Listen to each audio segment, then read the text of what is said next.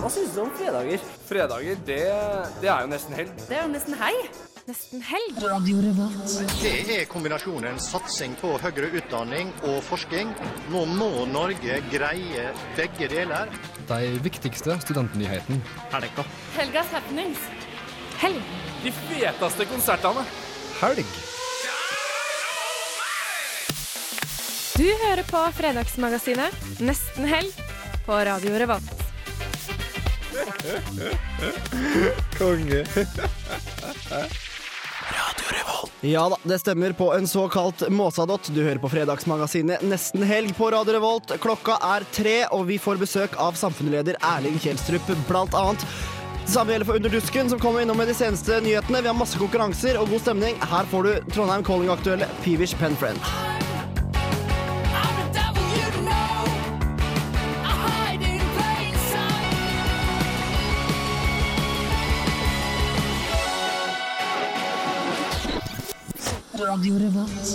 Ja da, gitt. Det var Pivers eh, Penfriend med The Devil You Know. Ifølge ryktene ett av tre band som Snorre Valen spiller i på Trondheim Calling. Jeg trodde han var stortingsrepresentant, jeg, Martha. Ja, det tror jeg også. Det er ikke så greit, eh, men han er jo en eh, kapasitet, får vi anta. Kul musikk, iallfall. Jeg heter eh, Olav, og jeg skal være med deg helt til klokka blir eh, fem i dag. Det skal også du, Hilde. Det skal jeg. Du er her igjen, du. Ja. Blir ikke kvitt deg. På, på tur fra NKF for å sjekke ut litt radiostuff. Ja, må nesten det. Lære litt. Ja. Er du klar for nok, eh, nok en runde? Ja, jeg er kjempeklar. Hva får vi høre i dag, jenter? Skal, ja, vi får eh, besøk av Under dusken, som vanlig. Der De kommer og skal fortelle oss litt hva som skjer i Trondheim eh, studentby. Får vi besøk av samfunnsleder. Husker du hva han heter, Ole? Ja da, Erling Kjelstrup heter han. Stemmer det, vet du. Tenkte å snakke litt om Søndre Side-prosjektet, og litt om eh, han godeste Erling. Hvordan er det å være samfunnsleder? Ikke sant? Det er et spørsmål vi alle har lurt litt på. Ja, i hvert fall jeg. Så skal vi snakke litt om Trondheim Calling, som eh, fyker i gang i kveld. Vi skal snakke litt om eh, hva annet som skjer i helga. Og så skal vi avslutte med en deilig, deilig halvtime med stemma til Olav. Der han skal Ja, Det fins ikke noe bedre halvtime. Det fins ikke en bedre halvtime. Vi skal sende radiodokumentaren til Olav og Line fra Radio Revolt, da de var på tur i Amerika. Det ble jævlig kult. Det stemmer. Så som du er inne på, de siste 32 minuttene av Nesten helg i dag blir det radiodokumentar fra USA. Mer om det seinere. Litt kortere Nesten helg, det kan vi jo tåle da når det er eh, Ja, da, altså, da får vi rekke å gå ut og kjøpe øl først. Og... Ja. Ja. Har du trua, Ille? Ja. Ja. Vi gønner på videre, vi. Hysteria med Ceremony. Rett og slett en liten sånn ballelåt til å kicke i gang. Det blir ikke bedre enn det. Ja, vi snakkes rundt hjørnet.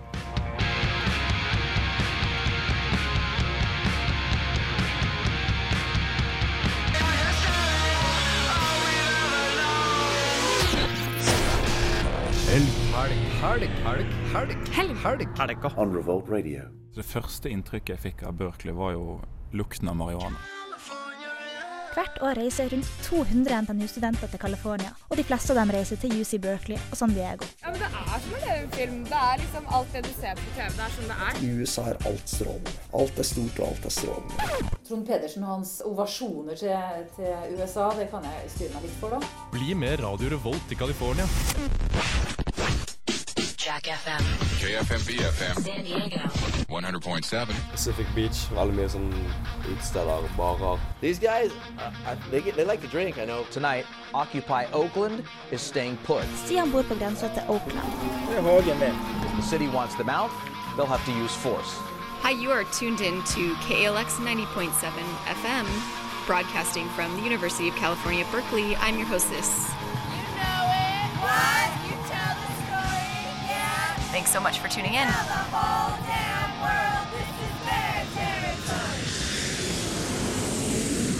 Jeg sa det de første ukene, så var liksom alle gikk rundt og bare Det er så amerikansk, det er så amerikansk. Følg med på Radio Revolt i januar. Ja da, følg med på Radio Revolt i januar, og det betyr mer spesifikt i dag, faktisk. Så spesifikt som det blir? Ja, klokka ca. 15.28 blir det, for den varer 32 minutter. 15.27 til og med, så kicker vi i gang. 15-27 et halvt, kanskje. Mer spesifikt enn det blir det ikke. Radiodokumentar fra Berkeley, altså til deg, fra Radio Revolt. Hanne Våge fra Under dusken, hjertelig velkommen i studio. Jo, takk skal du ha. Står det bra til? Ja da. Står det bra med deg? Ja, herregud. Her ruller det og går. Vi har satt bukken til havresekken. Vi har kutta ut gulrøttene, tatt opp potetgullposen. Det er fredag. Eh, har, du noe, har du noe nytt? Noen nyheter? Ja Hvis noen har vært på Dragvoll i det siste, så dere kanskje merker at det er en byggeplass igjen. Ja, jeg tror det var bare litt sånn segregering av studenter eller noe sånt. Sånn spesielt utvalgte som vi går bak der. Ja. Nei, det viser seg nå at det er det veldig farlige stoffet asbest de driver og fjerner, da. Jeg syns du får et sånn vilt eh, blikk når du sier asbest. Ja, det er jo det er kjempefarlig. Ja, Men er det ikke faktisk det? Jo, det er ganske farlig i eh, støvform, men når det ligger trygt inni konstruksjonene, sånn som de, de sier de gjør på Dragvoll, så er det ikke farlig. Men hvis du begynner å se litt støv rundt om i gangene, så kan du begynne å få litt panikk. Ja, da burde du springe. Nei, men eh, faren er jo hvis nå, nå når de holder på å fjerne det, at de skader noe av materialene. Da kan det jo bli farlig. Men da regner jeg med de eh, ja, ja, da regner jeg med de stenger hele skolen. Jeg har i grunnen aldri fått inntrykk av at Dragvoll var veldig vellykka, verken arkitektonisk eller byggteknisk, egentlig. Nei, eller uh, innholdsmessig. Altså, det var mye, å ta tak i. Det. Ja, mye å ta tak i. Men uh, jeg har alltid misunna dere på NKF, Ja. Hilde. Fordi jeg ser jo dette her røde bygget deres Mm. eh, i Kjøpmannsgata ut mot elva. Mm. Det ser jo innmari trivelig ut, da. Det er veldig trivelig. Ja. Uh, og veldig moderne. Og ikke noe asbest ute og går der, nei. Nei. Og det treningssenteret som er integrert i det bygget, er kanskje litt dyrere, men i hvert Ja. fall mer oppdatert enn det på Dragvoll. Jeg trener på 3T, så jeg skal ikke si noe. Ja, men hvis dere har vært på portalen, så er nå det ganske Ja, det høres Det er veldig fint. fint. Det klarer de heldigvis, treningssenteret. Men altså asbest, men er det noe, er det noe eh, på en måte planer om å fikse det? Eller, skal det, eller er planen at det, fordi det ligger såkalt trygt i veggene, så bare satser de på at det ikke skjer noe? eh, Nei, de holder jo på å fjerne det nå, da. Det er jo det som er eh, hele clouet.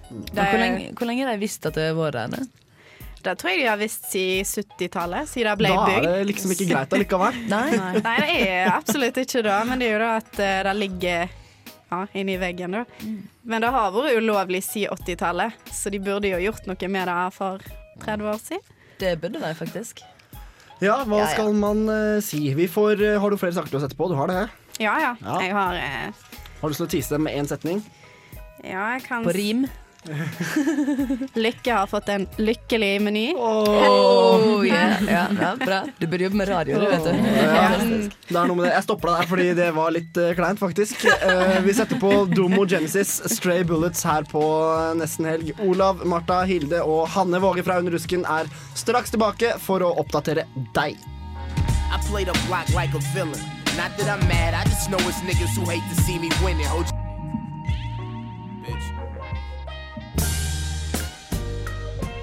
Hva gjør du for å komme i stemning? Jeg hører på Nesten Helg. På Radio Revolt. Mm. Ja da. Mm, mm, mm. Kan jeg få høre mm med ditt, eh, Hilde? Jeg må. Ja, Kom igjen, faktisk. Nei, ja, ja, det spiller ingen Vær litt med nå. Også Hanne. Det er sånn de gjør det under dusken. Ja. Da, det. det er veldig sånn kraftig, men kort. Eh, Stutt og godt. ja. Hva er de siste nyhetene dine, Hanne? Nei, nå vil jeg nå iallfall eh, anbefale alle å gå på Lykke, for der har de fått ny meny. Og eh, før så satsa de jo veldig på spansk mat, men nå kan du få noe som heter konstit... Nei, jeg skal ikke uttale det første ordet, men eh, and til en rimelig pris. Det er litt lettere å uttale and. Ja.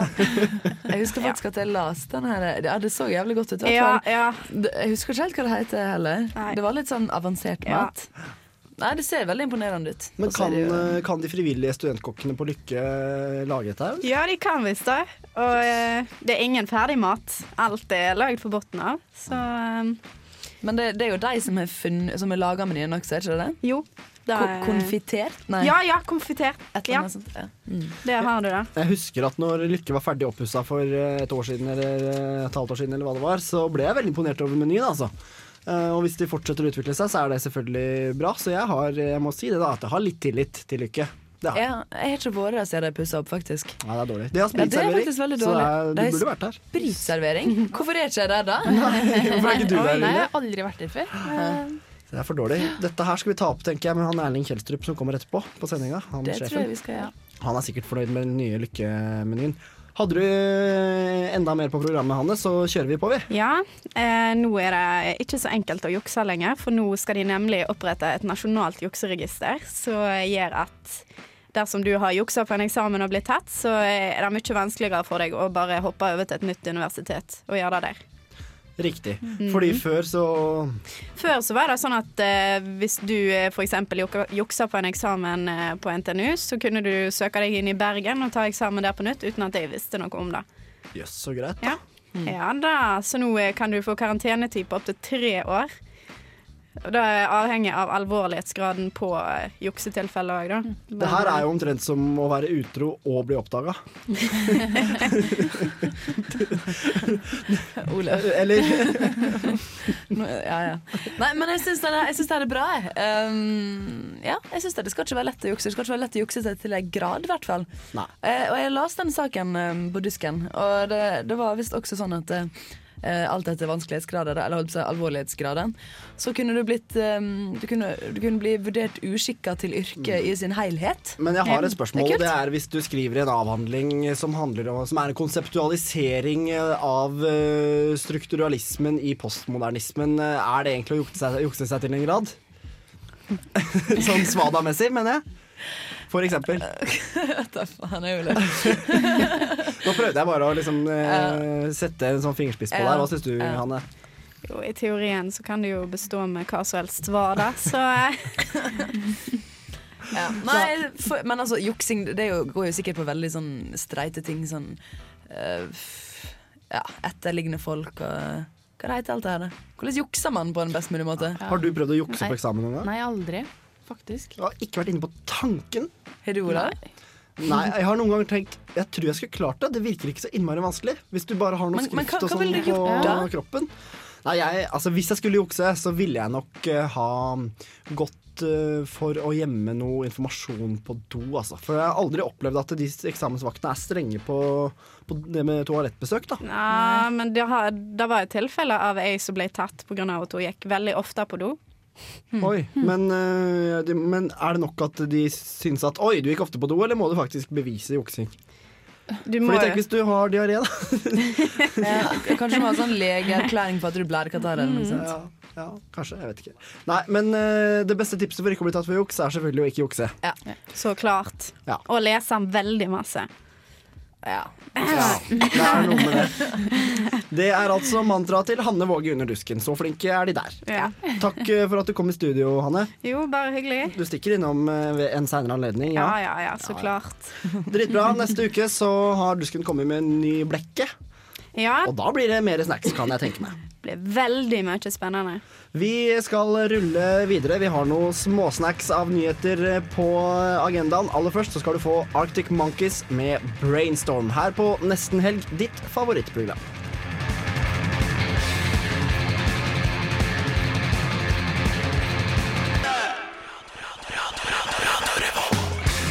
Ja da, ja da, ja da, ja da. Du hører på Brainstorm med Arctic Monkeys på nesten helg, og det er god, god stemning. Straks kommer Erling Kjelstrup, samfunnslederen, innom. Først får du Black Milk med Give the Drummer Some. Nesten helg. På julaften ringer man inn jorda akkurat klokka fem. Hver fredag fra tre til fem. Vi ringer helga inn. Med Olav, Hanna, Erik og Martha. Siste nytt, Check, aktuelle gjester, check, reportasjer, check, oversikt over alt som skjer i helga. check, Den feteste musikken, check. god helgestemning. Nesten helg hver fredag fra tre til fem. Vi ringer helga inn.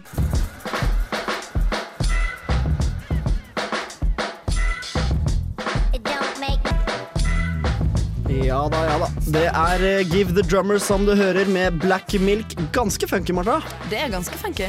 Jeg ble litt positivt overraska. Hva syns du, Le? Jo, jeg liker den veldig godt. Veldig, veldig veldig tøft. eh, Så sånn er det. Vi får straks besøk av samfunnsleder Erling Kjelstrup, men eh, før det så må vi huske på å minne om konkurransene våre. Vi er så utrolig feite konkurranser. Vi er jo som regel det. Uh, denne helga her så skulle man tro at det er ikke så mye som skjer i byen, fordi det er jo Trondheim Calling, og det er kjempestort. Men uh, du tar feil. For på Familien i kveld, f.eks., så er det Samsayo-konsert. Eh, du kan vinne billetter til deg og en venn. Det eneste du trenger, er å fortelle oss hvorfor akkurat du skal vinne billetter til deg og en venn. Ja. Det kan sende inn en liten eh, grunn og et lite dikt og en liten hilsen på SMS med kodord RR til 2030, eller på mail til nestenhelg etter radiorevolt.no. Men du kan jo gjøre noe i morgen også. Ja. Vi har konkurranse for billetter i morgen også. Både fredag og lørdag, vet du. Ja. Hva som skjer i morgen? da? Jo da, det er Jaga jazzist i Storsalen på Studentersamfunnet. Vi har fått eh, grevla mange billetter, så du kan vinne billetter der også, til deg og en venn. Eller venn. Eller en elsker, eller hva som helst. Kanskje du slipper å få sånn hostekrampe sånn som jeg eh, Det vi lurer på, er hva etternavnet til de tre søsknene i Jaga jazzist er. Det også kan du sende på SMS, kodord RR til 2030, eller på mail nestenhelg etter radiorevolt.no. Mm, kjempebra. Skal du på konsert i helga, Helle? Nei, jeg tror ikke jeg får tida til det. Nei. Skulle ønske det, men eh, Du er en opptatt dame. jeg er det. Jeg har nemlig lyst til å snakke litt om akkurat det, fordi du er jo på utveksling her, som vi har nevnt. Men ikke bare hos Radio Revolt, men hos Student-TV og Under dusken også. Jepp. Eh, og du har vært med TV-en denne uka. Mhm. Hva er det du har drevet med? Uh, jo, jeg har uh, gått i parade, faktisk, eh, for å få Justin Bieber til Trondheim. Oi. Så jeg har vært Justin Bieber-fan og gått med plakat og ja. Hvordan, hvordan foregikk det her? Nei, det var det var nå et tog da, sammen med masse fjortiser med I love Altså- Justin Bieber. Så det var et ekte initiativ? Det var ikke ironi eller sånn? Nei, nei, nei, det var ekte, ja. Ja, hvordan, hva tenkte du da når du gikk med plakat for Justin Bieber? Nei, um, jeg følte meg veldig gammel i forhold til de andre som uh, gikk foran og bak meg, men det var jo veldig gøy. Ehm, Har du mareritt hvor du sov om natta? eh, Tja, litt mareritt kanskje. Men ha, nei, jeg må innrømme det at jeg har blitt litt sånn Justin Bieber-fan etterpå, altså. Du får eh, spørre samfunnslederen etterpå om han eh, kunne tenke seg Justin Bieber i Storsalen for Mm. Han kommer rett rundt hjørnet. Aller først så skal du få Night Beats med Puppet on a String. De feteste konsertene. Helgas happenings. Siste nytt. Reportasjer.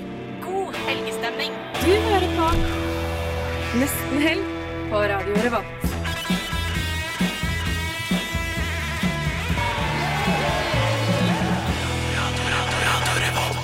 Ja da, det var Night Beats, det med Puppet on a String her på nesten helg. Og klokka drar seg ett minutt over halv fire på fredagen, som det er eh, i dag. Og Erling Kjelstrup, hjertelig velkommen i studio. Tusen takk. Står det bra til? Ja, litt travel. Kommer rett fra en uh, kyllingkebab på Sesam og rett opp hit. Uh, Vi springer videre rett etterpå.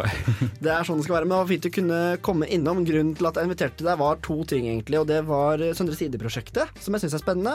Og litt sånn der, eh, at du er omtrent halvveis i, i vervet ditt, og litt sånn stoppa på å tenke åssen går det med deg og med samfunnet, og hva, hva du syns. Men vi får begynne med begynnelsen først. Søndre Side-prosjektet. Ja. Det er blitt vedtatt eh, Eller det er vel blitt flere vedtak. Hva er blitt som er vedtatt sist? Siste vedtaket er faktisk bevilgninger fra samfunnets egne midler. Mm. Altså, da kommer vi til å bruke opp mot seks millioner på å fullføre det vi kaller Søndre Side-prosjekt. Men det er jo i hovedsak universell utforming av samfunnet.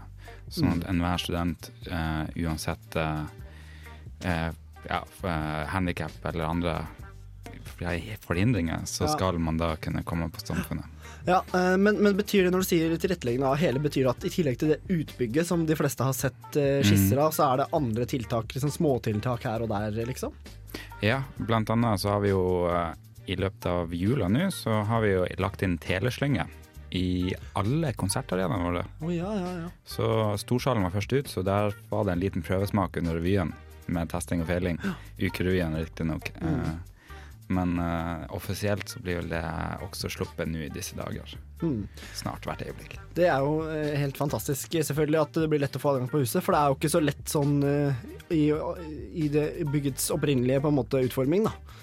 Nei, hva vil si, eh, vi har vel 32 eller 36 forskjellige nivåer Ja, Og jeg- ikke etasjer som fullverdige etasjer, men som som f- forskjellige høydeforskjeller. Ja, mm. Og jeg tror hvis du da sammenligner med andre bygg, så er vi faktisk flere nivåer enn Oslo Plaza eller noe sånt. Så. Komplisert. Det er ikke så greit. Men uh, dette her er hovedbiten av prosjektet, nemlig den, det som skal bygges på på, på sørsida, blir det vel. Mm. Hva, hva, hvordan blir det? Hvordan eh, forløpet skal gå fra og med nå. Ja, eller hvordan kommer det til å se ut når det er ferdig? Vi får ikke lov til å gjøre noen større inngrep i fasaden vi har i dag. Riktig. Så det som kan skje, er at det er et lite trappetårn i glass for å beholde den originale fasaden. Mm. Eh, så den glasstrappen er det eneste som blir tilbygget, da. Mm. Så det er mindre inngrep enn det Vinterhagen var i sin tid på 80-tallet. Riktig. Mm. Det er den som stikker ut fra Lykke, det som er Vinterhagen. Ja. Men, eh, men er det, det er likevel en heis i dette nye glassbygget? Den kommer på innsiden, så vi skal Det er kraftig inngrep i hvordan samfunnet blir på innsiden. Så ja, vi- kommer det ned sånn såkalt rotunde De eller noe sånt? Litt på siden av rotunden. Ja. Den eh, tar bort noe lager og noe arbeidskontor og litt sånn forskjellig. Sånn Mhm. Litt av de hemmelighetene som er på huset som man kjenner til etter en tre-fire år med fartstid. ja, det er eh, blant annet, eh, nå blir det veldig internt, men profeten Hybern kjenner du kanskje til? Ja, den kjenner jeg godt til. Godt ned, det, jeg, jeg har vært der en gang eh, under scenen og inn og ut, men det, det får være en annen historie. Kom deg på, bli medlem på Samfunnet. Så får man vite mer om det. Vi kan snakke litt om akkurat det etterpå også, medlemskap på Samfunnet, for det er jo opptak i disse dager. Har du tenkt noe på det du, Hilde? Nei, egentlig ikke. Ja, du Får bli spent. Uh, Får høre nå. Du må vurdere. Jeg tipper at Erling har noe smart å si om det. Først så må vi spille litt fransk musikk av alle ting. Stand High Patrol med Entertainer her på Nesten Helg, og så er vi straks, straks tilbake.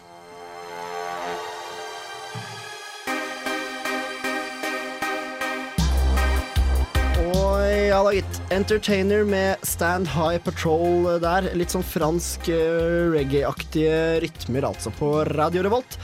Og Erling Kjelstrup, samfunnsleder. Stemmer. Vi, rett før låta så snakka vi litt om opptaket på Samfunnet i disse dager. Hva har du å si om det?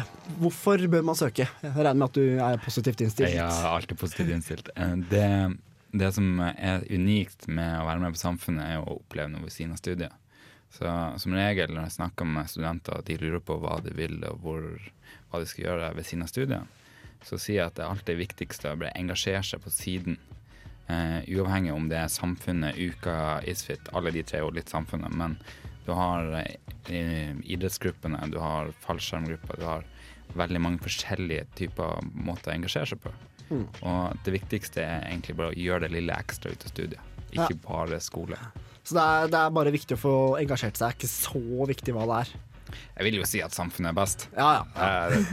Det er derfor jeg bruker et år ekstra på studiet, eh, og jeg angrer ikke et sekund på det. Nei, det gjorde ikke det. Nei. Nei. Fordi du har jo vært leder en stund nå, siden 17. mai i fjor. Mhm. Um, så det er sju måneder, og du skal være det fram til 17. mai i år, så du er litt over halvveis. Hvordan syns du at det har gått? Det er en læringskurve som er veldig bratt. Jeg tror jeg er ennå ikke ferdig på den, men for hver uke som går, så føler jeg at oi, nå begynner jeg å komme litt mer frampå. Mm.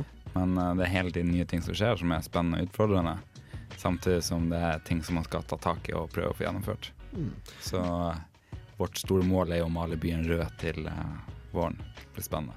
Ok, Kan du utdype det? Er det snakk om noen plakater her, eller? eh? Vi skal lage en, eh, det vi kaller en studentlinje gjennom byen. Altså det vil si en fysisk rød linje som males på fortauet, som alle nye studenter skal ha muligheten til å følge for å bli bedre kjent med en by vi er veldig glad i.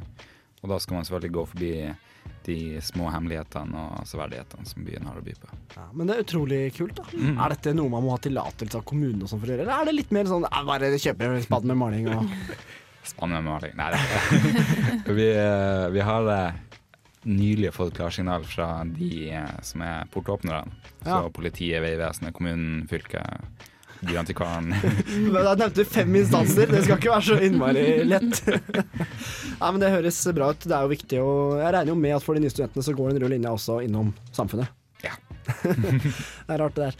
Men øh, ambisjoner i forhold til samfunnsmøter og liksom aktivitet eh, utover våren nå. Hva, hva har du å si om det? Det som er fryktelig spennende som kommer nært, er jo faktisk eh, ledervalget. Mm. Første ukesjefvalget om to uker. Ja, eller nei, knapt, en, knapt to uker. Mm. Da får vi vite hvem som skal være ukesjef 2013.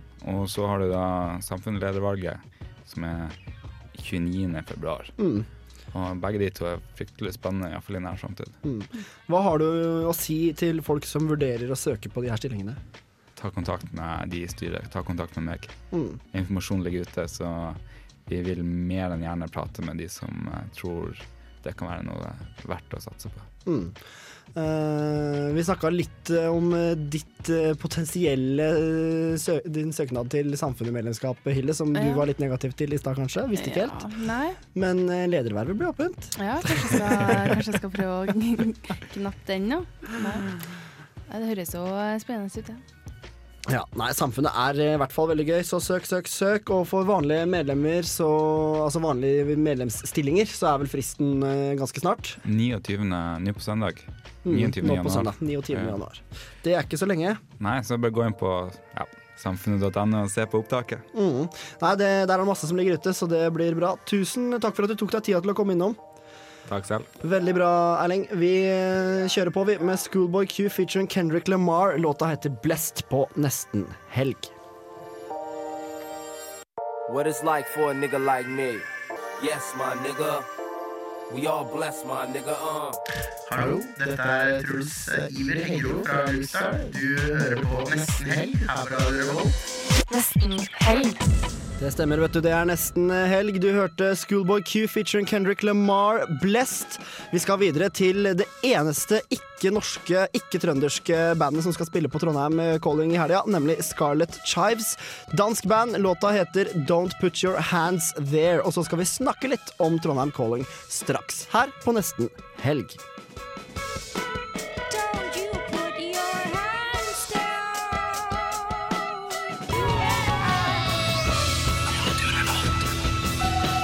Ja da, ja da. Det var The Chives, det. Med Scarlet Chives med 'Don't Put Your Hands There'. Hva skal det bety, Marta? Er det liksom Don't you put your hands there! Ja, jeg tenker liksom Det er litt eh, sånn se på kroppen. pekefinger, det. Eller litt sånn Ja. knipsing. ah, Don't you put your hands there! Ja, Tror dere det? vi har en felles forståelse angående det. Det kan jo skje på byen, for eksempel. Mm, at det blir litt eh, klåing og sånt. Har jeg hørt. Trondheim eh, Calling, hva har vi å si om det? Trondheim Calling, det er jo det er, jo, det er blitt så stort. Jeg er så fornøyd. Jeg gleder meg som en, eh, som en eh, liten drittunge, egentlig. Um, ja. Jeg syns det her er dritartig. Jeg syns Ja. det er kjempegøy. Det er 40 band, to dager. Fire scener. To av scenene på Byscenen, to av scenene på Brukbar Supe. Kan gå imellom. Det blir skikkelig, skikkelig kult. Ja, Det er fett.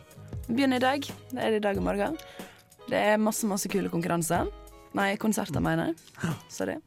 Um, alle mulige slags sjangere, nesten. Uh, i- på tirsdag så snakka de om at uh, de savna litt jazz.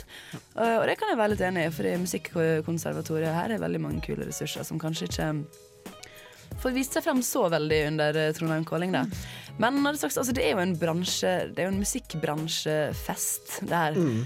Og uh, musikkbransjen handler kanskje litt om hvem du ligger med, og hvem du kjenner. Og hvis du ikke ligger med rette kjendisen, holdt jeg på å si, så får du ikke bli med her. Nei, sånn så uh, Musikkonservatoriet, dere har noe å lære. Sånn er det å være med i musikkbransjen. Ligg dere rundt. Ja, jeg får prøve å ikke være så kynisk. Men eh, det er seriøst mye å ta av her. Det er veldig mye bra. Det koster typ 300 spenn eller noe sånt for begge dagene festivalpass. Alle som, som har mulighet, burde få med seg det her, fordi det er så mye bra å ta av. Vi har elektronisk musikk i Superkjelleren. Altså, Snorre Valen kommer til å valse rundt eh, her begge dagene og skal spille med tre band. Um, det, blir, det blir jævlig kult. Du har som sagt alle sjangre. Sandwich spilte under eh, uka nå på, i høsten. Mm. Eh, veldig tungt. eh, tuba og alt det her de skal spille. I Love Winona. Vi hadde intervju med vokalisten der, Frode Sander, i Hagelangs, som eh, gikk på onsdag her på Radio Revolt. Mm. Det kan du høre på Stream on Demand. Mm. Det var ganske kult. Da hadde vi besøk av Frode Sander fra I Love og av Snorre Valen og Jørgen Meyer fra Amish 82. Oh, du er en ekspert, Marta, Martha, men jeg lurer litt på, fordi jeg er inne og ser på litt av programmet her eh, under, under foredrag. Eh, og sånn, og For det er jo ikke bare konserter, det er veldig mye sånn sofaintervju med bransjefolk og presentasjoner av Altså rett og slett bedpress ser det ut til å være her, av noe som heter Music Export Norway, blant annet. Er dette, noe, er dette bare for bransjen, eller er det noe som er interessant for flere? Akkurat det der er for bransjen. ja. Du må vel være såkalt delegat for å være med på det der, tror jeg. Da må du betale litt mer. Ja. Um, men altså, Trondheim Calling ble vel starta litt fordi at uh, trønderne fikk ikke være med på Bylarm. Det var en litt sånn Oslo-greie. Ja, så da, da ble det rett og slett Trondheim Calling, og det er et veldig godt alternativ, syns jeg. Ja, ja, ja. Kan har ikke lyst til å få med seg et sofaintervju med Rune Grønn, liksom? Han fra, det er han fra Turbo Neger. Ja. Mm. Det er veldig kult. Det er mye artig som skjer. Uh, Du får lære deg å booke. Alt sånt der. Jeg synes Det er et veldig godt tiltak. Det Mm. Ja. Det er et spark for å få uh, musikerne ut på et litt mer profesjonelt nivå. Mm. Som Thomas Rygaard sier det, skal jeg avslutte med det. Han sier det faktisk i denne blekka, at vi kan jo ikke alle leve av å kurse hverandre i bruk av sosiale medier. Det er veldig, veldig sant. Sjøl om mange gjør det. Mange kan gjøre det. Freddy Gibbs og Madlib Thuggin her på nesten helg, og du veit hva du skal i helga. Trondheim Calling. Fake niggas and lower the bar. Fred, you ain't never lied. Fuck the rap shit, my gangster been solid, bitch. Du hører på Nesten Helg. On Revolt Radio. Trondheim er mye fetere. Der skjer det ting hele tida. Det er smell fra morgen til kveld. Eh, Jeg koser meg. Med nesten helg. Yes, a man a look a breakfast. Yes, they get all you them a set up shop. Down to the Zilla and me there and me ill without a question. Ja da, det er Damien Marley du hører, sønnen til gode gamle Bob. Låta het Set Up Shop. Og vi må ha litt uh, kulturkalender, Hilde. Oversikt over Ja. hva som skjer. Det skal dere få. Uh, det er jo mye som skjer både i dag og i morgen. Eh, så vi kan jo begynne med i dag. Da er det DJ Eller altså The Return of DJ Haran på Blast. Og så har du jo Trondheim Calling på eh, både Bysønnen og Brukbar og Supa, og, det er òg utdeling av Trondheimsprisen. da. Eh, på diskoteket så er det DJ Dupree. Og på Dokkhuset så har du en miniopera som heter Til kjærlighetens pris. Eh, på Familien så har du Samsaya og etterfulgt av Funky Females. Mm, 80 Samsaya har vi konkurranse med trekning straks. Mm. Spennende. Eh, Ila brannstasjon så er det Bjørn Skarsgård og DNB som spiller litt sånn eh, rock, blues, folk. Ja. Eh, og på Samfunnet så har du Magnet i kveld. Jeg, jeg har liksom ikke fått med meg helt Magnet, men det er egentlig ganske stort, er det ikke det? Jo. Ja. Ja og nei. Jeg så Magnet spille i Nidarosdomene for uh, hva var det, Isfit 09 eller noe sånt. Jævla hipster. Ja, det var veldig hipster. Da sa han eh, det er et stort paradoks at eh, jeg står og spiller i Nidarosdomen, mens Kofi Annan står på uh, Storsalen i- på Samfunnet. Ja. Ja, ja. Mann, altså. Mm. Og så har du Shimmering Clubset på um, Knaus. Altså i kveld. Mm. Eh, I morgen så er det da DJ Paul, Paul Jones på Breast. Og så har du eh, fortsettelse og Trondheim Calling på Brukbar og Supa og Bysenden. Og på diskoteket så er det Jim og Jury, som DJ-duo, tror jeg. Eh, på Dokkhuset så er Gjermund Larsen Trio. Og det er vel òg noe sånn folkemusikk, tror jeg. Eh, familien så er det Nodding Heads. Og på Illa brannstasjon så er det eh, Sjøgras. Det syns jeg for så vidt er et veldig fint navn. Um, og på Samfunnet så er det Jaga Jazzist som vi òg har konkurranse på. Mm, det blir bra. Og vi skal strekke hvert øyeblikk, så det siste vi bør gjøre er kanskje å minne for aller siste gang om konkurransene. Konkurransene som du kan svare på i hele Hvor lenge er neste låt, sa du? Ja, det er ikke lenge. Tre minutter Nei. Ja, Tre minutter og så- 15 sekunder. Kjapt, da. Hva Ja. det, ja. Send inn en god grunn til at du skal få ta med deg en venn på Samsaya-konsert i kveld på Familien. Eh, det kan du sende til eh, nesten helg etter radiorådevold.no eller på SMS, kodord RR til 2030. Hvis du vil vinne billetter til Jaga sist, så må du fortelle oss hva etternavnet til de tre søsknene i bandet er. Send også svaret ditt på uh, SMS, kodeord RR til 2030, eller på nestenhelg Mm. Ville du helst sett Jaga sist eller Samsaya? Nei, Jeg ville ha sett Samsaya, for jeg har hørt at hun kommer med sånn nytt og kult image. Ja, er det det, Martha? Er det nytt og kult? Eh, Alt er nytt og kult. Alltid. For hun var sånn klein i gamle dager, syns jeg. Ja. Mor di er klein. Takk skal du ha. Jeg bare tøyser. Hun er ikke klein. Mm. Satt på noe rock, holdt jeg på å si. Det er helt feil. Hiphop fra Sørlandet, fra Vågsbygd. Ja, det var ikke så jævla rocka, i hvert fall. Nei, det var bare jeg som roter, vet du. Vågsbygd Handy skal du få med Svever, og da er det som sagt straks konkurransetrekking, så følg med, send inn, og så får du bare kose deg med ei låt. God helgestemning. Du hører på Nesten helg på Radio Revolt.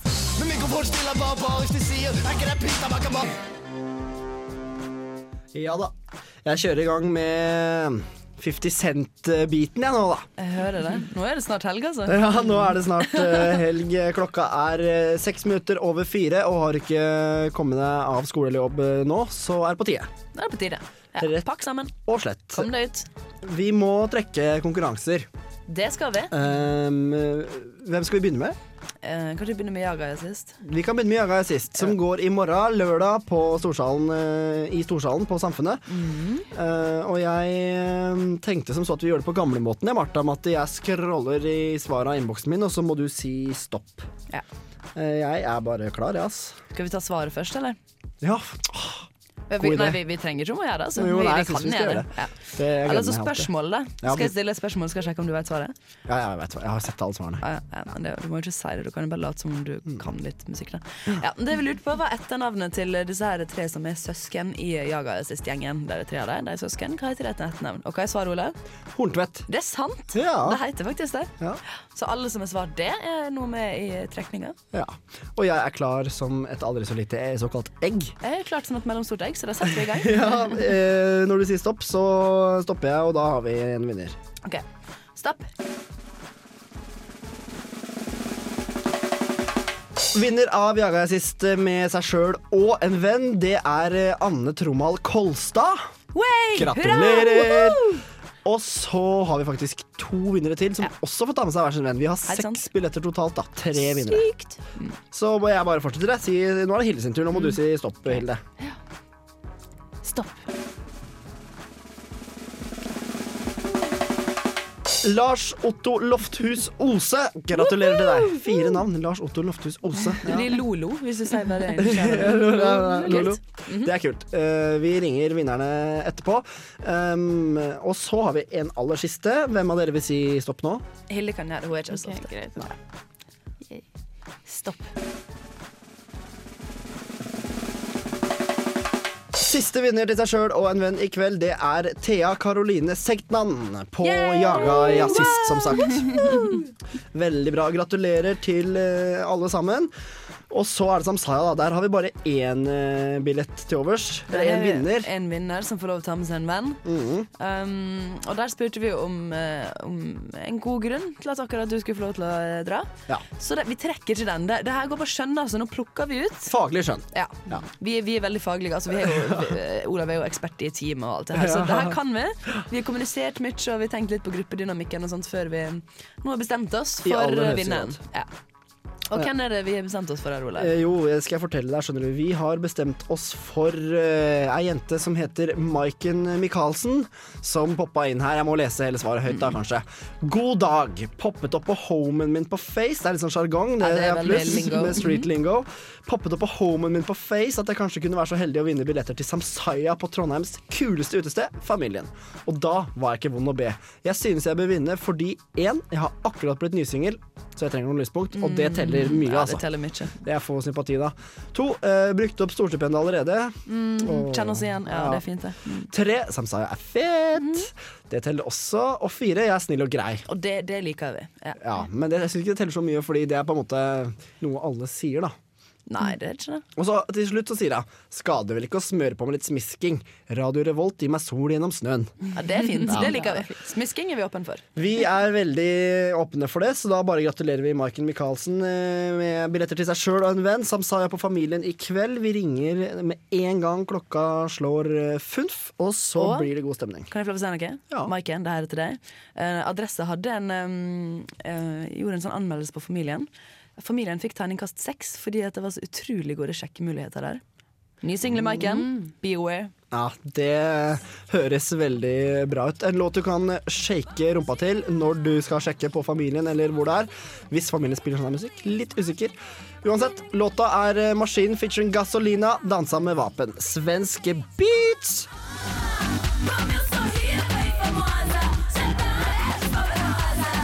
Og ja da, maskinen dansa med vapen her på nesten nesten helg. Og det er nesten helg, klokka er 14 minutter over fire. Og vi må selvfølgelig finne ut eh, vår mest useriøse spalte, hva vi skal i helga. Så dette her blir god stemning. Eller hva, Martha? Kjempegod stemning. Uh, der var jeg med. Der var du inne, vet du. Uh, kjempegod stemning, sa jeg. Kjempe, kjempe, kjempegod stemning. Det er herlig. Hva skal vi i helga? Begynne med Hille. Tja eh, Jo, i helga så har jeg fri fra jobb, så jeg og venninnegjengen vi skal ha en sånn skikkelig god gammeldags eh, sleepover. Sånn skikkelig jentekveld med Oi. Ja.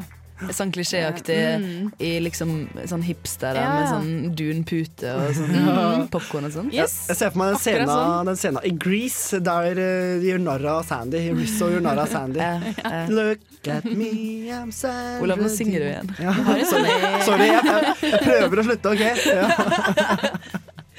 Yes, nei, men Det høres jo dritbra ut. Ja. Men, men, men jeg som er gutt, det eneste jeg veit om sånne jentesleepovers, det er at eh, det, er, det, eneste infoen jeg har fått, er bare masse sånn stereotyper og på en måte kanskje juks da, framstilt Ja. av film. Så, så hva inneholder det her egentlig? Greia er jo egentlig at dere skal ikke vite, da. Vi har jo litt sånn hemmeligheter, vi jentene som vi driver med på sånne kvelder.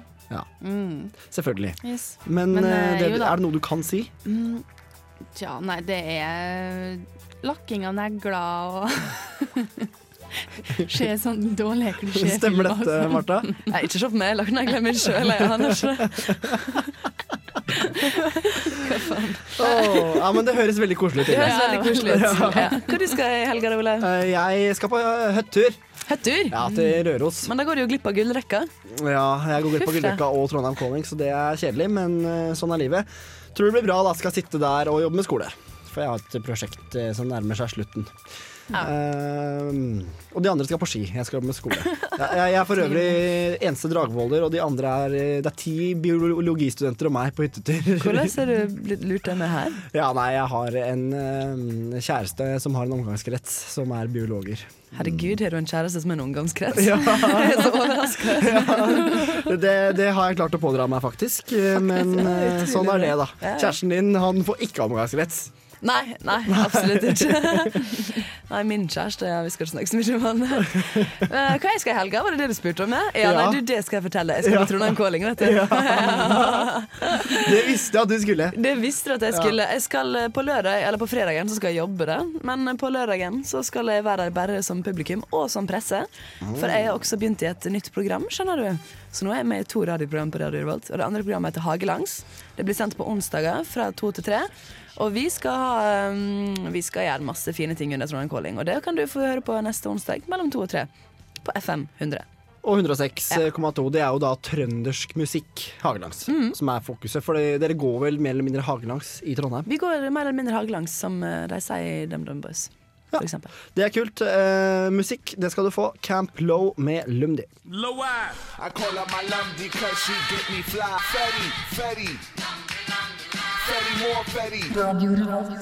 Ja da, gitt. Der fikk du Camp Low med Lumdi, og det var trivelig, skal jeg love deg. Det var trivelig.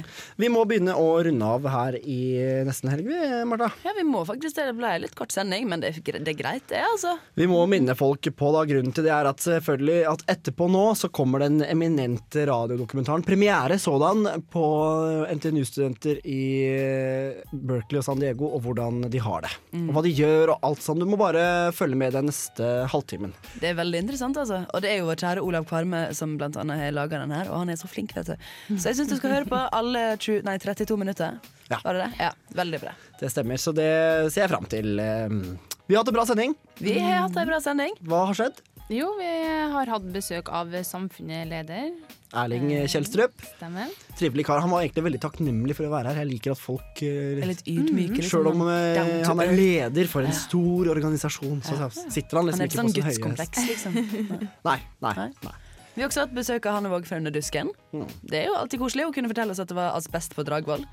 Det er ikke så koselig. Nei, det var ikke så overraskende, egentlig. Da. Det er mye dritt der oppe. Ja, ja. Ja. Um, og hun kunne fortelle at um, At uh, folk som jukser, blir Ja, det er ny Ja. meny på Lykke, og folk som jukser, blir satt i et nasjonalt register. Ja, det er mye elendighet i verden, altså. Ja, det er mye Det er ikke lett å være Det er ikke lett, nei. Så vi snakker om Trondheim Calling. Mitt, uh, min fanesak for helga, i hvert fall. Og vi har trekkekonkurranse. Så nysingle Maiken hun kan glede seg over å ta med seg ei eh, lita Berthe på Familien i kveld og sjekke litt uh, boys til boys? eh, Samsaya-konserten. Mm, Tror det blir god stemning, altså. Boys to men skulle vi spilt. Det er jo et Nei, vi skulle jo ikke spilt det. Vi spilte jo Elton John for et par uker siden. Må jo holde det. Fylt opp den kvota, liksom. Nei, men jo, jeg tror Maiken kan få seg en bra kveld i dag. Altså. Funky Female skal spille plate etterpå. Det blir groovy. Det, det er bra sjekkestemning der i dag. vet du Har du tilbakemeldinger på programmet vårt, så send oss en liten comment, eh, da vel. På, enten på Facebook på veggen eller SMS eh, RR til 2030, eller nestenhelg at radiorevolt.no, hvis det alltid er artig med tilbakemelding. Ja, Og uansett tilbakemeldinger, lik oss i hvert fall på Facebook, så får du med deg alt hele tida. Mm. Vi må begynne å runde av. Eh, Tusen takk for at dere var med, jenter. Hilde Kristine Ørbo. Ja? Nei? Er ikke det navnet? Feil. Det er feil navn? Ja. Oh, ja. Hilde Kristine var rett, da. Ah, ja, det var dette. Mm. Og hva kjenner du ei til som er til Kristine. Brevik var det. Og så var det Martha Våge. Takk Yes, til deg. Takk, Olav Kvarme. Og ja, takk til meg. Riktig god helg. Vi snakkes neste uke. God helg! God helg.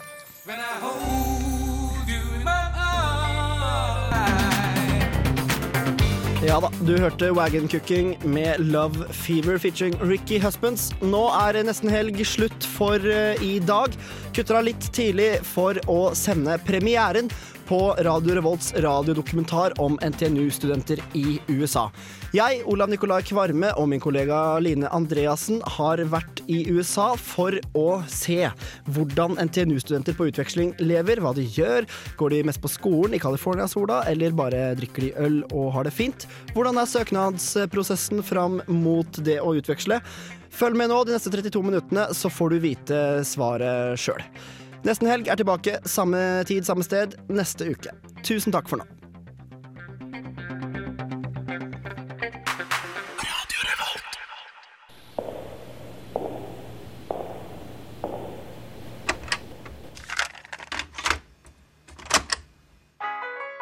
Første inntrykket jeg fikk av Berkeley, var jo lukten av marihuana. Ja, men det er som en levefilm. Det er liksom alt det du ser på TV. Det er sånn det er. Det er så amerikansk, det er så amerikansk. I USA er alt strålende.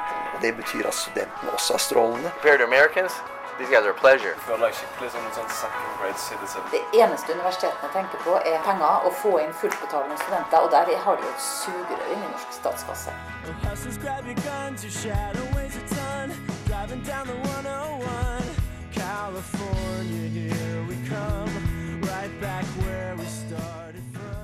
Hei, jeg heter Line. Og jeg heter Olav. Hvert år reiser rundt 200 NTNU-studenter til California. Dette er 20% av alle NTNU-studenter som utveksler, og de fleste av dem reiser til UC Berkeley og San Diego. En femtedel av alle som drar ut fra NTNU, reiser altså til solfylte California. Og vi, vi lurer på hvordan dette oppholdet utarter seg. Ja, for hvordan er de akademiske forholdene? Tilbringes fredagskvelden på lesesalen, eller er livet en dans på roser i 35 varmegrader? Hvordan er studentlivet? Hvordan bor man? Hvordan er veien gjennom papirmølla fra man søker til man faktisk er der? Og ikke minst, med så mange nordmenn, får man egentlig oppleve det ekte Amerika?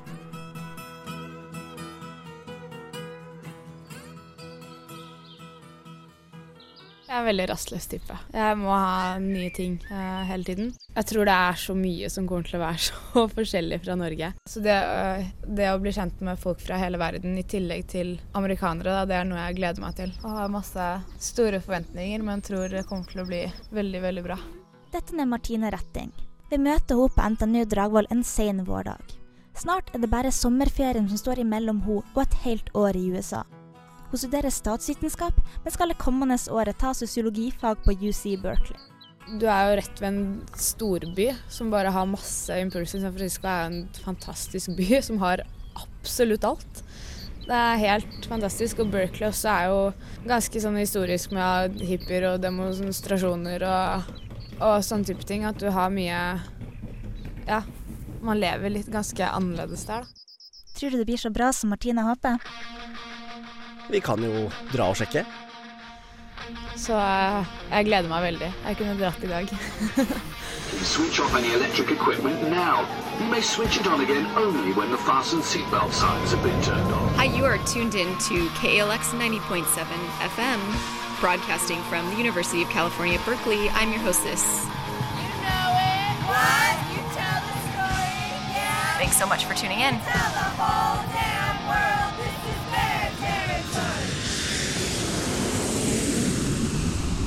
Ladies and gentlemen, I'd like to welcome you here to the San Francisco Bay Area. The time is 5.15 p.m. We're going to be taxiing for just a few more minutes. We ask you please remain in your seats with your seatbelts securely fastened. No, wait. No bit of earth can penetrate my mind. I'm not fucking one machine. Etter 24 timer på reisefot befinner vi oss på stripa på Berkeley. Selve universitetet er oppkalt etter filosofen George Berkeley og ble grunnlagt i 1868. Siden den gang har Berkeley avla fram 22 nobelprisvinnere, som alle synes at det gjeveste med prisen er å endelig få reservert parkeringsplass på campus. Antallet nobelprisvinnere er ikke overraskende, da Berkeley troner høyt på lista over verdens beste universiteter, og har et bibliotek med over 9 millioner boktitler. Tall fra høsten 2010 viser at det er nærmere 36 000 studenter på campus, og livet er pulserende der vi trasker av gårde for å møte Trond Petersen. Han har jobba her siden 1988, og er arkitekten bak en massiv utvekslingsavtale mellom Department of Sociology ved Berkeley og Sosiologisk institutt ved flere norske universitet. Denne avtalen åpner døra for veldig mange nordmenn, og det hadde neppe vært så mange her foruten avtalen.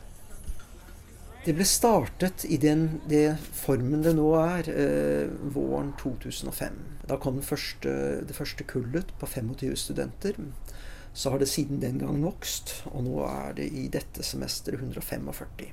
De tar en ganske bred portefølje innenfor sosiologi, men det er mye bredere definert enn det man vil normalt finne på et sosiologiinstitutt i, i Norge og Skandinavia. Så vi, vi dekker store fe- fe- felt. Studentene her er ett semester, noen to. Eh, De er gjennomgående, slik jeg forstår det, ganske godt fornøyd med kursen de tar her, og kommer ofte hjem. og ja, syns de har hatt et fint opphold. Er det noen spesielle utfordringer som du veit om, som studentene kan støte på her? Nei, det er jo godt tilrettelagt for, eh, for å være student her. Ikke sant? Det er relativt lett å finne seg en bolig. Det tar litt tid å finne ut hvilke kurs de skal gå på, men det, det er det samme for amerikanske studenter. De, de første to-tre ukene så går de fra kurs til kurs og finner ut hva er det som passer, hva er det som er interessant. Og etter en stund så finner de gjerne noe de liker. Og de fleste studentene får noe de syns er interessant. Og eh, de har vært ved et ledende universitet kan ikke være en dårlig, dårlig bakgrunn. Altså. Det, det må være et pluss. OK. Ifølge Trond Petersen virker dette veldig enkelt og greit. Kan det virkelig være så lettvint som han vil ha det til? Vi tar turen til Saders Gate, en port på campus reist i minne om den norske bobestyreren Peder Sæter, som på midten av 1800-tallet jobba ved College of California, det vi i dag kjenner som UC Berkeley. Her møter vi Stian Totland, som i likhet med Martina tatt turen over Atlanteren for å studere. Det er flere ting vi lurer på, men først spør vi hva hans inntrykk av Berkeley er. Stemningen generelt i Berkeley er veldig behagelig. Det er lite stress. Det er, det er så hyggelige, mye hyggelige mennesker. Eh, kulturelt sett så skjer det noe hele tiden her med småunderholdning på de ulike pubene og er underholdning på campus. Generelt folkelivet er fantastisk. Det er liksom boble her i Berkeley i forhold til resten av USA. Vi får en forståelse av den bobla Stian prater om da vi har forlatt campus og nå sitter i den noe primitive bakhagen hans. En hage av asfalt med lite sånn gressteppe bak noen eh, levegger. Yes, Det er jo helt- sånn halvgettohage. Det er hagen min. Tonight, Occupy Oakland is staying put. If the city wants them out, they'll have to use force. Stian bor på grensa til Oakland, et tungt belasta område med et utprega kriminelt miljø, og ulike sirener avbryter samtalen vår flere ganger. Likevel, Stian bor på den trygge Berkeley-sida, og her kan vi uten bekymring prate om det å være utvekslingsstudent, og hvordan prosessen fra å være norsk til å være en internasjonal student har vært. Stian svarer. Mye byråkrati. Men det er latere mennesker enn meg som har greid det før, så det var egentlig ikke noe problem. Noen områder hvor jeg ikke føler jeg fikk like god informasjon. Det er kanskje fordi jeg ikke visste noe som helst. Altså, jeg visste heller ikke hva jeg skulle spørre etter. Men vi kom jo oss alle over. Byråkratimøljen med visumsøknad syns jeg nesten var litt uh, mer stress. Hvor du må fylle ut uh, ja, 18 sider med spørsmål om du støtter uh, terrorvirksomhet. og Syns det er litt vittig òg, da. Do you condone terrorist activities? Yes. I mean no. Oh shit.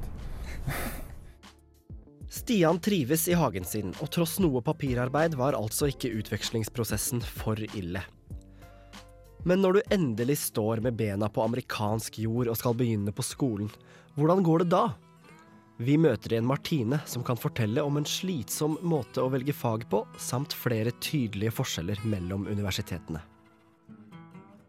Så jeg prøvde å For vi fikk liksom sånn I den enrollment-prosessen, så vi er ranka nederst. Så det er de som De åpner søknadsprosessen for vanlige CAL-studenter i juli. Og så har du ventelista.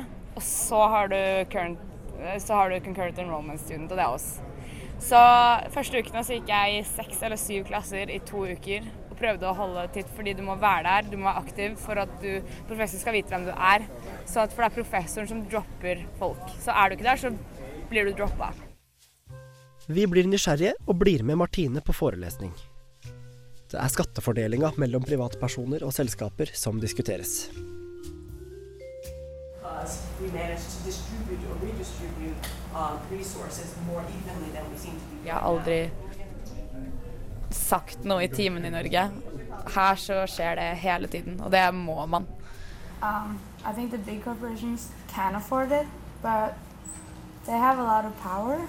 Og i tillegg så er det jo veldig mye med oppfølging fra professorene. Um, other comments, right? So I had a question about the low taxes. Uh-huh. Um, I kind of, Vi sier oss enig i at undervisninga her er noe annerledes enn den der hjemme. Interaksjonen er høy, og det er tydelig at mange nasjonaliteter er representert i forelesningssalen. Vi legger også merke til at de norske studentene, som har samla seg på øverste rad, ikke sier så mye. Vi begynner å lure litt. Hvordan utmerker de seg i studiesammenheng?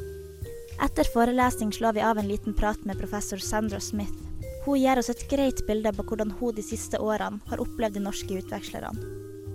As a group, relatively quiet, right? Um, had a couple of students who are really fairly outspoken, really very sharp, have very different kinds of opinions, are willing to share them. And I really appreciate that very much. But by and large, I think most students tend to fall along the lines of not really saying very much um, and being kind of passive ob- observers. And to the extent that that's the case, it's really kind of difficult to get a sense of what they're thinking, what their experiences are like, what they're getting out of it, what they need. Um, so there, there, are those two kinds of experiences that I've had over the past few years.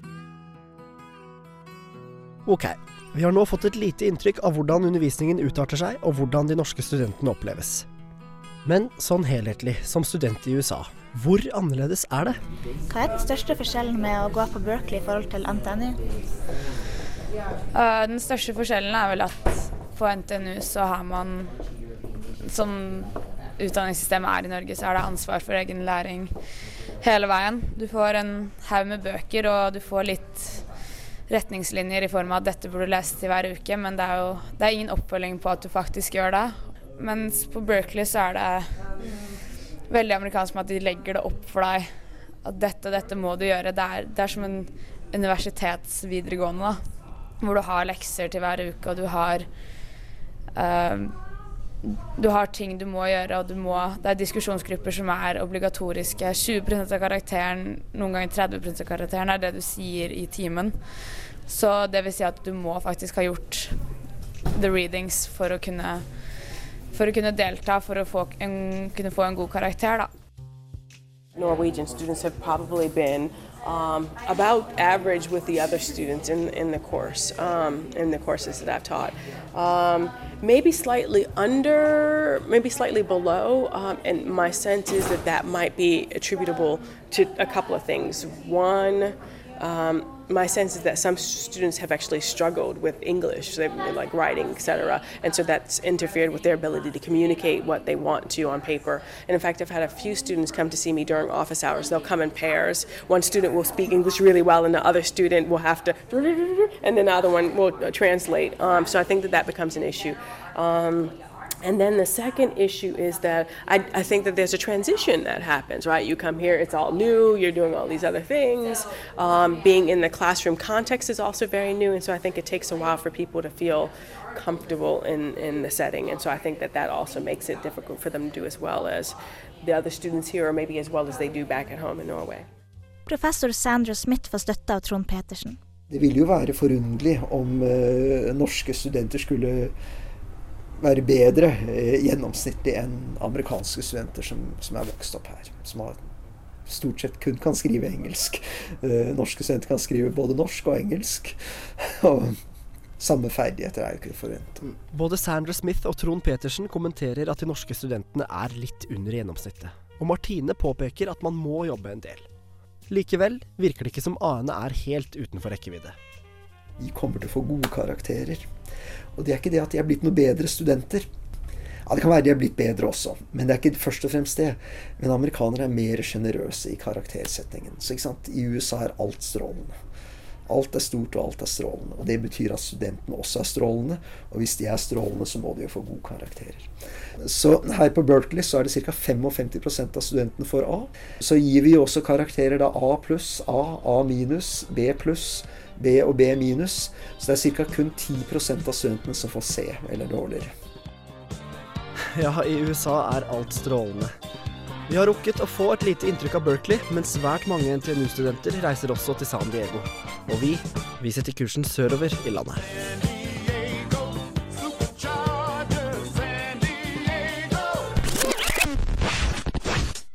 Jack FM.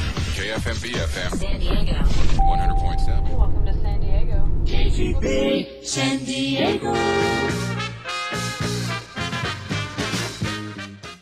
San Diego er USAs åttende største by og er å finne helt i det sydvestlige hjørnet av landet. Hvis vi sier at sola glimta i Berkeley, så gløder den her. San Diego grenser til Mexico, og vi merker at sombreroene ikke er langt unna. Mange områder har meksikanske navn, og spansk tale er nesten like normalt som amerikansk. Vi har beveget oss ut av selve bykjernen og befinner oss nå i Pacific Beach, et område som vrimler av barer, kafeer, strandkultur og avslappa stemning. En kar vi møtte på flyet kunne fortelle at dersom du er singel og i 20-årene i San Diego, ja, da bor du på Pacific Beach. Her treffer vi Gløshaugen-studentene Fredrik Hernandez og Remi André Kjørlaug, som bor i et lite sydenhus sammen med to kompiser. These guys are great. Compared to Americans, Huseieren Lance bor i garasjen og er fornøyd med å leie ut til de norske guttene. Ja, det her er stua. Eh, Vi, vi lurer jo litt fælt på om de norske studentene går mest på skolen, eller om de betraktes som et friår og drikker og fester. Og ut fra liksom ølkorkinnholdet i fatet her, så får jeg jo noen signaler, da. Ja, vi, har, vi tar en pils til maten. Det, det skjer nesten hver dag. These guys, uh, I, they, get, they like to drink, I know. They, they gotta be good guys to get Jimi Hendrix poster up. Lance jobber som lifeguard, og gutta har lært mye om farene som lurer utenfor stranda, bare 100 meter unna. De ligger under sanden, og så må du vasse ut istedenfor å tråkke. For hvis du tråkker på dem, så pisker de opp halen og stikker deg i ankelen. Men eh, jeg tror ikke Stingrays nevner å bekymre seg over. Men haier, jeg har lyst til å se en hai. Jeg skal se en hai. Uh, I think Americans have. I think they're a little more. Um, I don't know. They're, they're just they're a pain in the ass. What I'm getting at. but these guys are. They've been great. Guttene studerer bygg og miljø på NTNU Gløshaugen, og tar dette året fag på UC San Diego. En skole som i likhet med UC Berkeley er et av de ti campusene i California som er delstatseide. Universitetet ble opprettet i 1959 og har rundt 26 000 studenter. Det er altså både yngre og mindre enn Berkeley. Vi merker oss at guttenes boforhold er noe annerledes enn hos Martine og Stian i Berkeley. For mens guttene deler et møblert hus og triller rundt i egen bil, bor Martine på International House på campus med studenter fra over 60 ulike land, mens Stian deler ei leilighet off campus med amerikanske jenter. Alle tre løsningene virker brukbare etter vår bedømmelse, og akkurat nå får vi virkelig inntrykk av at guttene stortrives i huset sitt på Pacific Beach. Pacific Beach, veldig mye sånn utesteder, barer. Strand både til høyre og til venstre. Park ned til venstre. her. Verdens beste kafé over gaten. Verdens greieste og kuleste lander. Stian, en av de som bor sammen med Remi og Fredrik, bor i et bomberom i kjelleren, som i sin tid ble bygget for utleie i tilfelle krig. For i USA er ingenting gratis. Hvordan er det å bo i et bomberom, da? Det er egentlig greit, men det kan være litt Jeg må bruke de viftene ganske mye, for det er litt dårlig ventilasjon. Men det er jævlig rolig, da. Men her er det trygt, altså, hvis ja. japanerne kommer. Ja. Da står Stian i døra og tar en dollar for entry. så. Kan tjene penger på alt det landet her. Ja. Stian har kjøpt så mye mat òg, så jeg tror han er forberedt på Men det er jo ganske kult at han som bygde det, gjorde det som en businessidé. da. Han Skulle tjene penger på det. Så.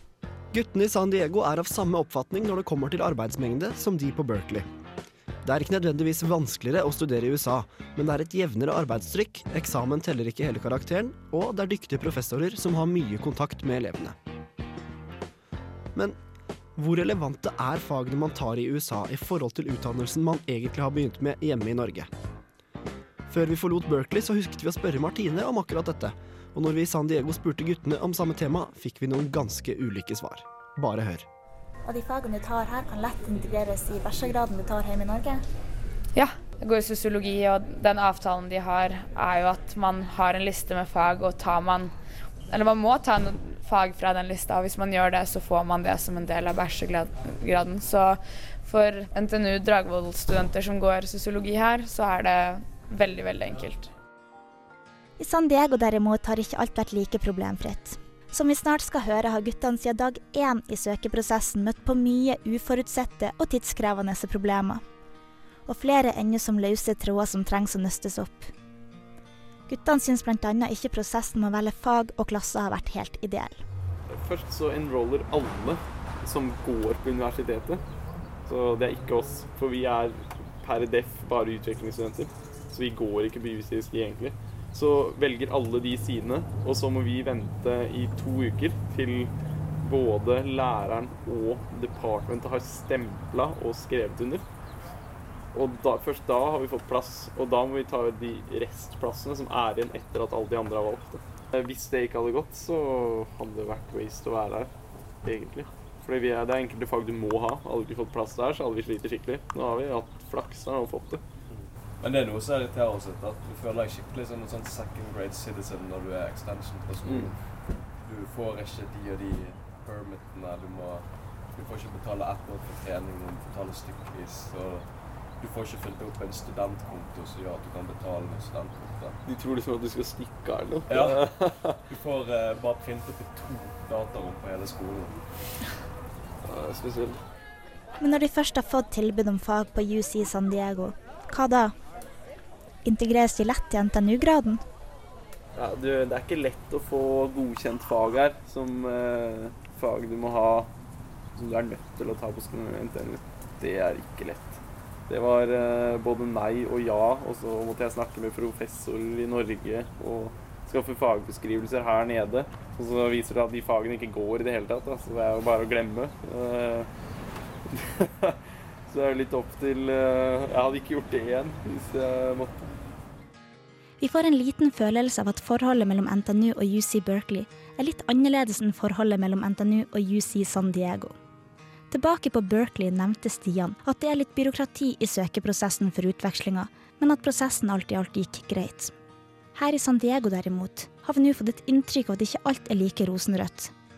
En av hovedgrunnene til dette kan være at man i San Diego, i motsetning til Berkeley, ikke har en like god utvekslingsavtale, og derfor ikke en like enkel søkeprosess. Fredrik og Remi har i alle fall av ulike årsaker møtt på en del rot. Annet glemte fakultetet deres, IVT, å godkjenne dem for utveksling til internasjonal seksjon på NTNU. Når vi skulle få endelig godkjenning fra Lånekassa, så fikk ikke vi noe papir i posten på at eh, vi eh, var, hadde rett på støtte.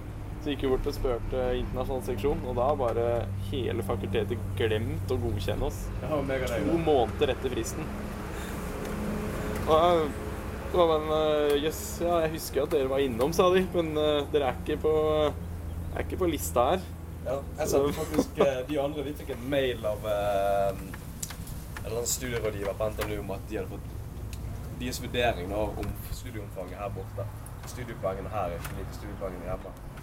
Og så sendte jeg mail til hun som hadde sendt mail til de her. Så kan jeg få min dokumentasjon, så jeg har skriftlig at eh, det opplegget mitt er OK. Nei, hun fant ikke meg i systemet i det hele tatt. Så jeg lurer egentlig på om NTNU vet at jeg er her borte eller ikke, liksom. Det, meg, det var meg og han, vi, vi eh, Den omfangsvurderinga tror jeg ble, gikk fort i svingene fordi eh, de hadde glemt oss.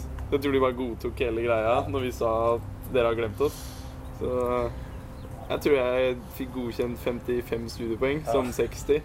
Uh, dere får se når jeg kommer hjem, da, hvor, eh, hvor medgjørlige de er da. For det tror jeg ikke de kommer til å være. Men, eh, eh, det var utrolig mye jobb. da. Veldig mye som om vi var de første som søkte oss ut, egentlig. Det virket som veldig mange som visste helt hva, hva det var. Det her har jeg aldri gjort før.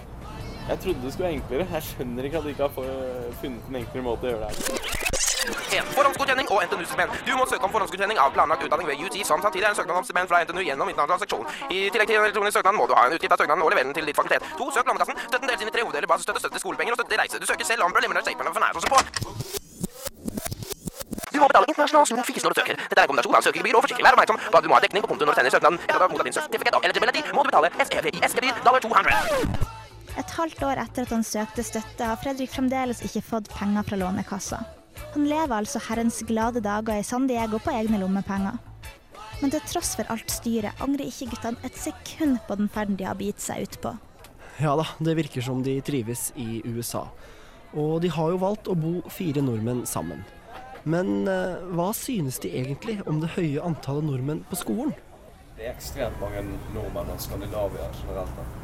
Så plutselig oppdager du eh, fire Du er en gruppe på åtte stykker, og en gang var det seks nordmenn og to dansker. Sant? Så da blir det med en gang liksom eh, snakking om eh, ting eh, skal, vi, skal spille fotball i dag? Og så, så, og så blir det nummerutveksling, og så er det i gang. Jeg var veldig sånn Jeg vurderte to alternativer. da. Bo alene i en by som New York. Da. Det er en once in a lifetime-sjanse, på en måte. Men å bo i et hus i San Diego med tre av kompisene dine og sol hele året, det er òg en once in a lifetime-sjanse. Selv om guttene bevisst har valgt bort større interaksjon med amerikanere ved å bo i samme hus, lar de seg likevel overraske av å plutselig befinne seg i grupper med f.eks. seks nordmenn og to dansker. Muligheten for å snuble over andre nordmenn er kanskje høyere enn de trodde. Tilbake på Berkeley innrømmer også Trond Petersen at det er litt mange nordmenn på campus. Jeg tror det er vanskelig å ta noe særlig mer norske studenter enn vi allerede har. Det er jo, de gjør jo sitt De setter sitt merke på stedet nå. Hvordan da? Nei, altså at de, de snakker norsk, de går rundt omkring, de er på kafeene, de er aktive. De, eh, ja. Jeg vil tippe at ca. 25-30% av de norske studentene som er på delstudier i USA, kommer her på dette Berkeley-programmet. They often seem to s- stick in Norwegian colonies too. Hilde Skeie, seksjonssjef ved internasjonal seksjon på NTNU, hjelper mange studenter som vil ut i verden. Hun er bekymret for det hun vil karakterisere som norske kolonier ved University of California. De kommer hjem, de er sammen med norske, de snakker norsk hver eneste dag. Det blir sånne kolonier, eller sånn Little Norway. Ikke bare på, på Berkeley, det er på San Diego. Der har vi nesten 100 studenter. På Santa Barbara har vi mange studenter. Men jeg er veldig imot norske gettoer ute. For det blir veldig lett å ha med sine egne å gjøre. Og i hvert fall hvis du ikke spesifikt går inn for noe annet. Og når du først kommer i en fremmed kultur og kommer blant andre, så er det lett å ty seg. Du får veldig ofte den der, og det er veldig lettvint. Har du vært en del ute, så vet du det. At det blir sånn. Men er, vi kan gjøre noe med det. Når jeg treffer folk her som skal til USA og kommer, skal til San Diego, og sier kan du ikke tenke litt, kanskje reise en annen plass? Der er alle sammen, sant? Og ofte så vil jo studentene det. De vil jo ofte ikke inn i en norsk setting, sant? Hva sier de da, når du ber dem Nei, så sier de, og kan vi det? Liksom, ja, kan vi, ja. Eller så sier de, vi har et faglig opplegg. Da synes jeg det respekterer. Jeg respekterer jo for så vidt alle valgene fullt ut. Jeg bare sier at hvis du vil oppnå noe mer utover det rent faglige, den nettverksdelen jeg snakker om, altså den nye kulturen, språket, alt det der, da bør man velge noe som ikke er så norskbasert. Hvis du vil oppleve noe annet enn det rent faglige, så burde man reise et annet sted, sier Hilde Skeie. Ergo kommer det an på hva man som utveksler ønsker av et semester ute. Trond Petersen ser ikke viktigheten i de kulturelle aspektene Skeie viser til, og fokuserer i all hovedsak på det faglige. Det kommer litt an på hva man ser etter når man skal ut. Men hvis man ser etter først og fremst på en måte den mest interessante og dynamiske undervisning og akademiske tilbud, så bør man dra til de beste stedene. Trond Pedersen og hans, eh, hans ovasjoner til, til USA, det kan jeg styre meg litt for, da. Hvis du bor sammen med mange nordmenn og tar fag sammen med andre, mange andre nordmenn, tror du det har noe å si for utvekslinga som totalopplevelse? Det er klart det, vil, det ville blitt en annen opplevelse om det var fem nordmenn her, som det opprinnelig var. Og, og det er vel situasjonen da at eh, hvis du var en av de fem nordmennene, så vil du foretrekke at det var bare slik, at dere var bare fem. For da får du en eksklusiv opplevelse. Men da har du de andre 145 som gjerne skulle vært her. Og da er det litt avveining. altså Skal man lage noe som er eksklusivt og henvender seg til fire-fem? Eller skal man lage noe som er litt bredere, og hvor mange får mulighet? Og jeg bestemte meg for det siste. Helt til slutt, siden det er så um, mange nordmenn her, vil det være feil av meg å påstå at det finnes norske kolonier på Berkeley? Det er jo litt av og til sånn at det beste kan bli det godes fiende. Hvis jeg skulle designe utveksling med, med USA, så ville jeg sagt at det jeg ville foretrekke hvis jeg skulle sendt ut 100 studenter. da. Ti til Harvard, ti til Yale osv. Og så ti til Berkeley. Men det er ikke en mulighet. Nå har man mulighet til å sende 100 til Berkeley, eller hva det er. Det er en god mulighet at man får flere her. Altså Man, man vil i prinsippet helst ha dem spredd over hele kartet. Men det er ikke mulig. Da er det bedre å ta 100 her enn å på en måte begrense denne muligheten. Vi har allerede fått et inntrykk av hva guttene i San Diego syns om at det er så mange nordmenn der. Men hva syns egentlig Martine og Stian om dette? Det vil nok være et valg man tar. Det å bare falle inn i en norsk klikk uten å ville det, det vil jeg ikke si egentlig er mulig. Det er ikke, det er ikke så viktig hvor, egentlig, hvor andre drar i forhold til mitt valg, når det bare er for ett semester på bacheloren. Eh, masteren derimot, så ville jeg kanskje valgt annet. Men det er jo tross alt en av verdens beste skoler. Det er en fantastisk læremulighet. Det er jo California. altså det hva, hva er feil? Det er en grunn til at mange kommer òg. Ja, det er en grunn til at så mange reiser til California. Sol og engelsk språk tiltrekker, i tillegg til at universitetene er anerkjente. Innledningsvis nevnte vi at 20% av alle som utveksler fra NTNU, drar til University of California. Og det er også et høyt antall studenter ved andre norske universiteter som reiser hit. I tillegg reiser også et utvalg nordmenn til andre universiteter rundt om i USA. Hilde Skeie er ikke i tvil om hvorfor de amerikanske universitetene tar imot så mange nordmenn. Men det er klart at jeg hører jo nå fra USA veldig veldig sterke signaler på at det eneste universitetene tenker på, er penger og få inn fulltbetalende studenter. Og der har de jo et sugerør inn i norsk statskasse. Når vi sender hundrevis av studenter til California, alle betaler fulle skolepenger, altså out of state tuition fees. Det er klart at det vil bli veldig viktig for dem. Det er ikke noe vanskelig å få inn våre studenter da. Martina og Stian i Berkeley og Fredrik og Remi i San Diego har alle opplevd deler av utvekslinga forskjellig. Den sterke avtalen i Berkeley gjør nok prosessen lettere, men det virker også som om guttene i San Diego, til tross for noen streker i regninga, nyter utenlandsoppholdet. Det er en del forarbeid, men prosessen virker ikke avskrekkende av den grunn. Selv om våre fire utvekslere bare er få av mange som tar turen til UC, viser de at det er muligheter for å gjøre ting på egen måte, f.eks. i valg av bolig. Men det virker vanskelig å ta et semester i California uten å regelmessig snuble over andre nordmenn. Nordmennene grupperer seg litt, men det virker ikke for oss som om dette er avgjørende for totalopplevelsen. De blir en del av det amerikanske samfunnet, og hver morgen våkner de opp til den amerikanske hverdagen. Både fra universitetene, Lånekassen og studentene selv går det med mye tid og penger hvert eneste år. Amerikanske utdanningsinstitusjoner har kanskje et sugerør ned i norsk statskasse, men det går den andre veien også.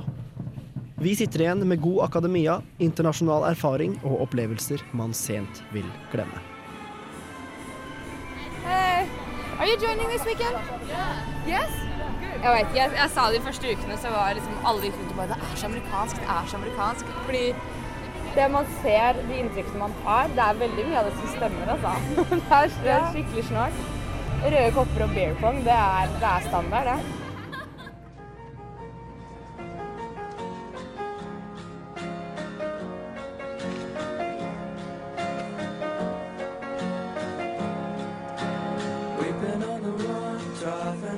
Sun, looking out for number one. California, here we come, right back where we started from. Du har nå hørt en radiodokumentar av Line Andreassen og Olav Nikolai Kvarme, produsert for Radio Revolt med støtte fra Medietilsynet. Idé, manus, produksjon og regi var ved Line Andreassen og Olav Nikolai Kvarme.